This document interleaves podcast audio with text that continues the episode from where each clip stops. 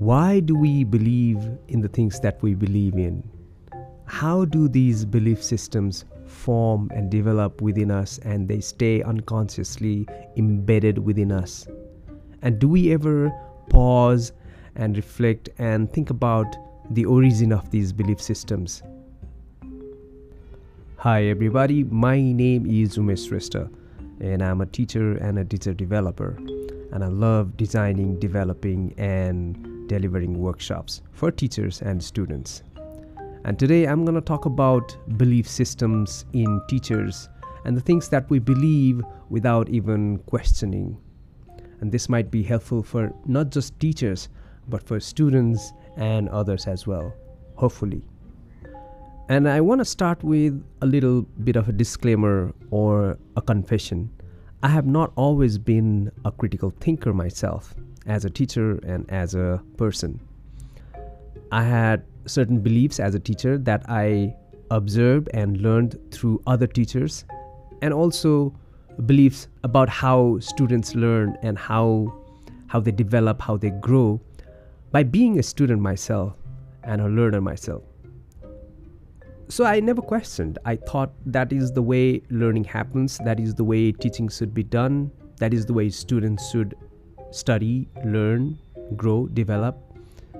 And along the way, whatever I thought or whatever I believed, they became a crucial part of my teaching belief, a very important part of my teaching identity as well. And when I eventually questioned them all, it was a very, very painful process. It was a humbling process as well. It was a beautiful unlearning process as well. I had to admit that. I'm not saying that I have unlearned everything or I have relearned new things, but as a teacher, I'm critical of my own teaching beliefs, and I hope other teachers also start questioning their teaching beliefs and philosophies and practices and their ideals as well. So, today I'm referring to an article I recently read on this website called teachertoolkit.co.uk. This article is written by John Dabell and it's titled 12 Educational Research Myths. Now, I'm not going to go over every of these 12 myths, but I'm going to pick a few ones that I also thought were true and found out that they were not true. They were just some hearsays, some myths, and some things that we never questioned. Alright, the first one the concept of the learning pyramid. This has been around for ages, and I've seen this in so many training sessions I have attended as a participant. Trust me, I have also used this one in my own training sessions as well. So, the concept is when you read, you learn 10%, when you hear, you learn 20%. When you see, you learn 30%. And when you see and hear, you learn 50%. When you say and write, you learn 70%. And when you do, you learn 90%. And this makes perfect sense, right? In Nepali, we have this saying called padera know gorera sikinsa And this this pyramid also reinforces the same idea that we don't learn much by just reading and hearing. We learn by writing, by speaking, by doing. And probably because of this learning pyramid, there's so much emphasis in our schools and in our education system on learning by doing, on activity based learning. Now, let me be clear I'm not against activities, I'm not against learning by doing. But what I want you to be critical and what I want you to question is these perfectly rounded percentages 10% because you read, 90% because you do. And I wonder that there are any studies, any research that actually backs up that we only learn 10% by reading and we only learn 50% by seeing and hearing, and we learn 90% by doing. So, I request teachers and teacher trainers not to dwell on this concept of learning pyramid because it might look like an easy way, easy solution to improve our learning and retention, but actually it's just a myth. Now, the next one is a huge one. It's so prevalent in our schools and in our education system that everyone, almost everyone, believes it without even questioning it. And this one is the belief in learning styles. I really want to give a lot of benefit of doubts to the teachers, to the trainers, and to the students who have this belief that there are certain learning styles. If teachers teach based on the learning styles of their students. And if they package if they if they differentiate if they design lessons which cater to certain learning styles of these students then the learning is going to be very very effective.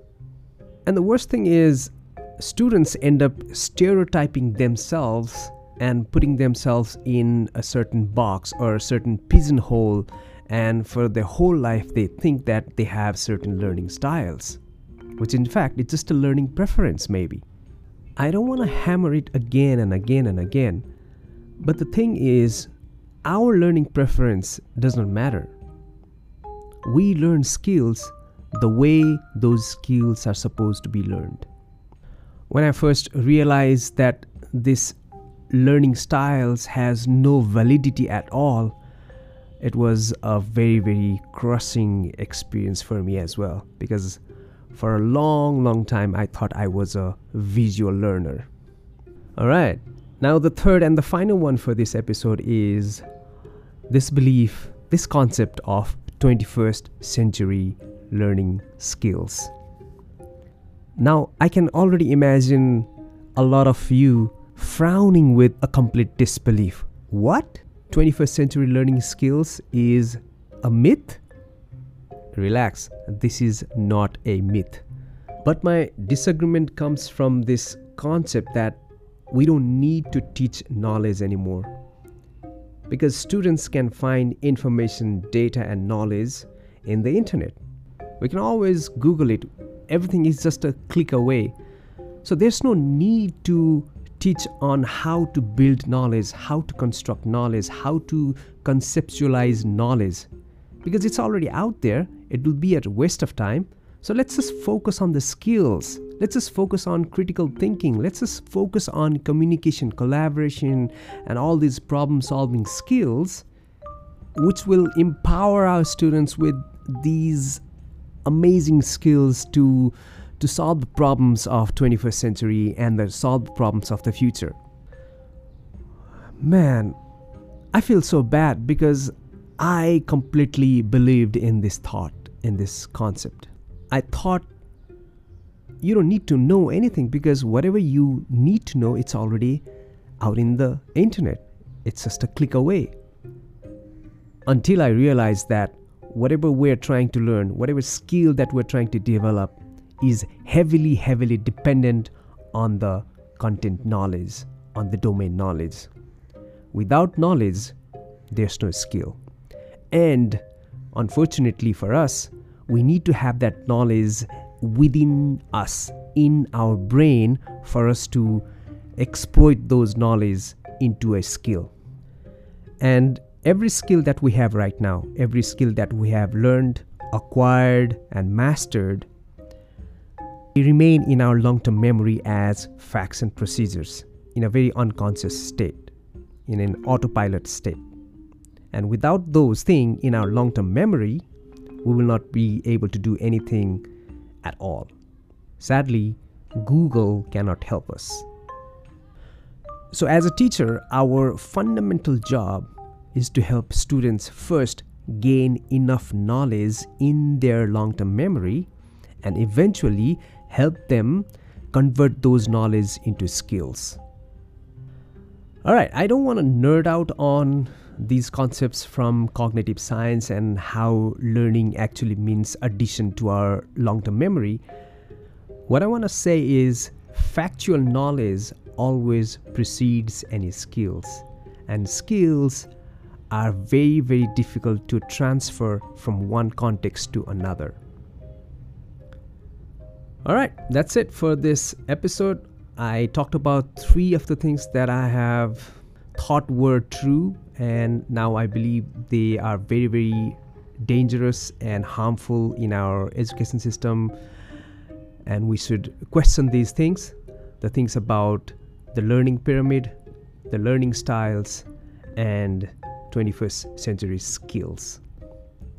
Hopefully, this episode has made you think critically and deeply, or at least it has made you feel angry towards me, maybe. I hope not, but let me hear back from you. Till the next episode, keep learning and unlearning.